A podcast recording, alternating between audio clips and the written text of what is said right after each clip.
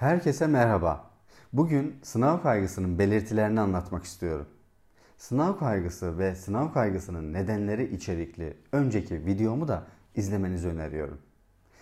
Hepimizin korkuları ve kaygıları vardır. Bu korkular yılan korkusu da olabilir, bir topluluğa konuşma yapmak da olabilir veya uçağa binmek.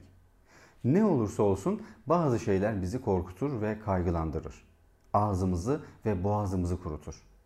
Kalbimizin hızlı atmasına neden olabilir. Tüm kaygılar ve korkular yaşanıyorken bedenimizde de değişiklikler ortaya çıkar.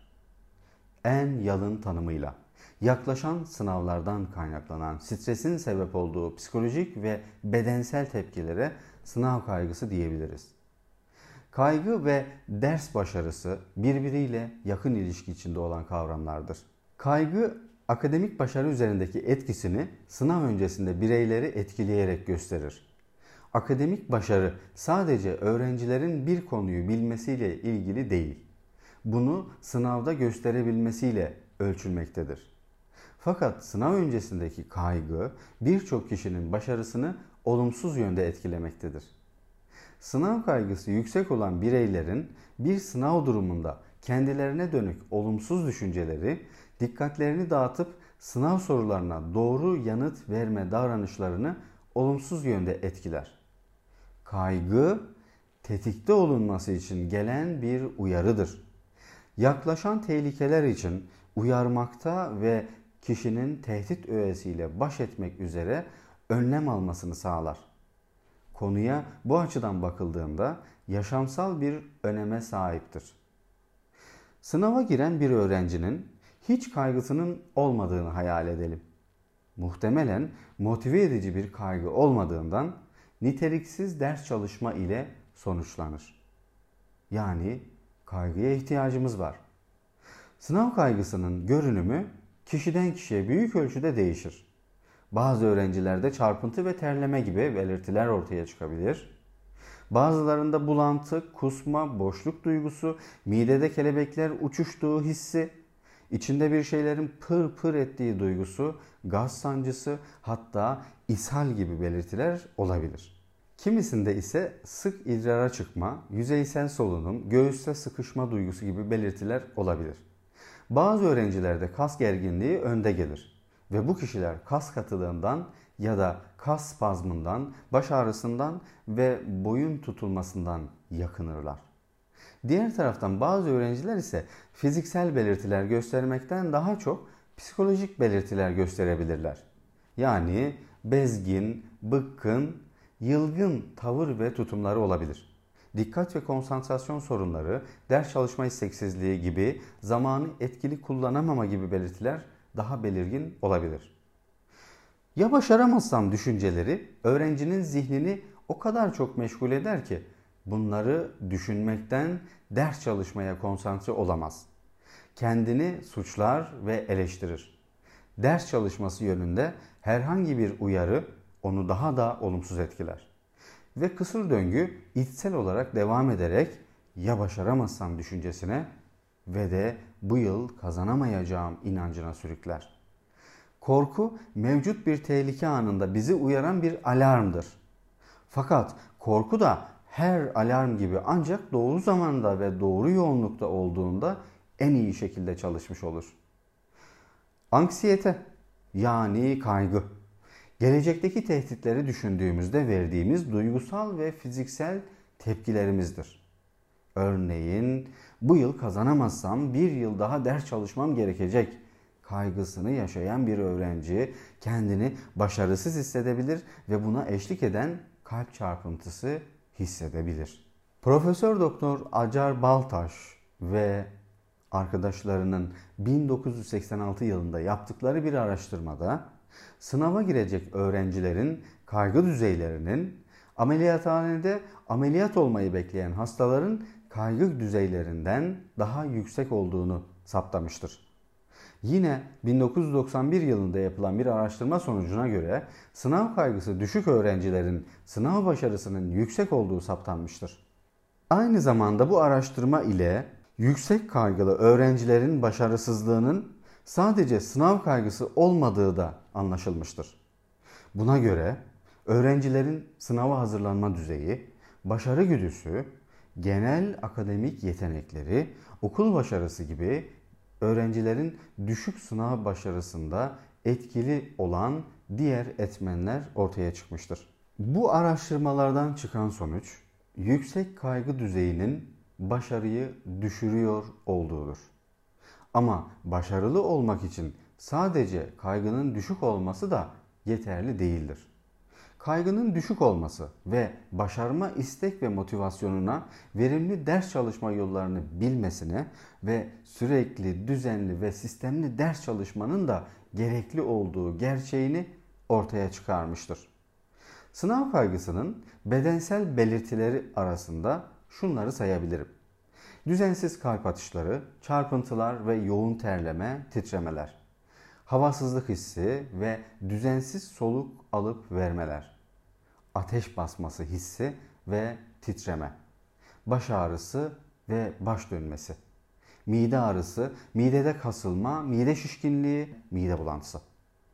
Kas yorgunluğu hissi, kaslarda kramp ve uyuşma hissi. Nadiren bayılma. Sanki tamamen zihni boşalmış, bir şey öğrenemiyormuş gibi olma hissi. Kabızlık ve ishal gibi sindirim sisteminde meydana gelen değişiklikler. Konsantrasyon ve dikkatini toplayamama zorlukları. İştahsızlık veya aşırı iştah gibi yeme alışkanlıklarında değişiklikler. Çok uyuma, uyuyamama gibi uyku alışkanlıklarında değişiklikler. Sınav kaygısının psikolojik belirtilerini değerlendirecek olursak şunları belirtmekte yarar var. Öğrenci ya başarısız olursam ve ailemin sevgi ve saygısını kaybedersem diye korkabilir. Yeterince çalışamadığı için kendini suçlama. Kesinlikle başarılı olamam düşünceleri. Hiçbir şey bilmediğini ve hatırlamadığını zannetme. Sürekli olarak alacağı notu ya da puanı düşünme. Diğerleriyle zihinsel rekabet ederek diğerlerine göre başarısız ve bilgisiz olduğunu düşünmek. Sınav sonucunun felaket olacağını düşünmek. Hareketsizlik, donukluk, huzursuzluk ya da aşırı hareketli olmak ailesini ve yakınlarını hayal kırıklığına uğratacağı düşüncesi. Başarısız olduğu takdirde bir daha deneyemeyeceğini, denese bile yine başarısız olacağını düşünme. Ders çalışma masasına oturmayı erteleme. Ders çalışmaya başlasa da kısa sürede sıkılma. Ders çalışmaya kendini zorlama. Çalışmaya başladığında ise dikkat ve konsantrasyon güçlükleri nedeniyle niteliksiz çalışmaktan şikayet etmek. Rezil olacağına, küçük düşeceğine dair inançları sayılabilir. Sınav kaygısı yaşayan öğrencilerin bazı davranış değişikliklerini gözlemleyebiliriz. Bunlardan birincisi sınav kaygısı olan kişiler ya aşırı yoğun ve yorgun gibidir ya da boş vermiş gibi davranabilir. Bu durum sınav stresinin ve kaygısının sebep olduğu huzursuzluk ve mutsuzluk nedeniyle zihinsel yoğunluğun bedensel dışa vurumudur. Bu davranış uyumsuzlukları istemsiz olarak meydana gelir. Ders çalışması gerekirken zihinsel olarak yapamadığı için yoğun bir iç çatışması yaşanır. İkinci bir başka gözlemsel davranış ise zamanı düzensiz kullandıkları göze çarpar. Ders çalışma programlarına tam anlamıyla uyum gösteremezler. Sınav kaygısı ve stres yaşayan öğrencilerin hemen hepsinde ritmik davranışların görülme olasılığı yüksektir.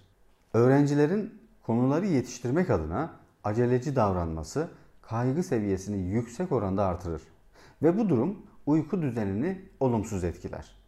Kaygı ve stres düzeyinin normal seviyede tutulması için özellikle biyolojik ritmimize yani uyku düzenine özen göstermelisiniz. Üçüncü bir başka davranışsal gözlemimiz yakın çevresiyle sürtüşme içinde ve tahammülsüz davranışları olabilir. Öğrencinin yoğun sınav kaygısı yaşadığında yoğun strese bağlı olarak olaylara, kişilere ve durumlara karşı tahammülsüz olduğunu gözleyebiliriz. Bu tahammülsüzlüğün altında yatan şey başaramama korkusunun tetiklediği yoğun strestir. Çatışmalar ise öfke ile birlikte bu stres ve korkunun dışa atımı yansıtılmasıdır. Sınav kaygısı yaşayan öğrencilerin çevresiyle uyumlu, paylaşımcı, sosyal ve dışa dönük olması kaygının azaltılmasında, stres düzeyinin düşmesinde önemli rol oynadığı unutulmamalıdır. Böylelikle sınav kaygısının belirtilerini irdeleyerek öğrencinin kendini tanımasını, ailenin ise çocuğun tavır ve tutumlarının sınav kaygısını tanıyabilmesini amaçladım. Temel hedef ise sınav kaygısını tanımak, çözüm yoluna doğru adım atmak olmalıdır. Okulu, sınavı, geleceğini önemseyen her öğrencinin sınav kaygısı yaşayabileceğini önemle vurgulamak isterim. Ve sınav kaygısının en temel etkisi öğrencinin gerçek potansiyelini ortaya koymasında en büyük engeldir.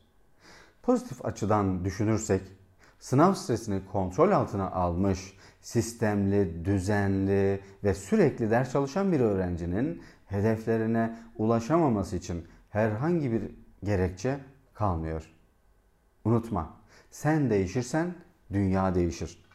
Bugün bundan sonraki yaşamının ilk günü.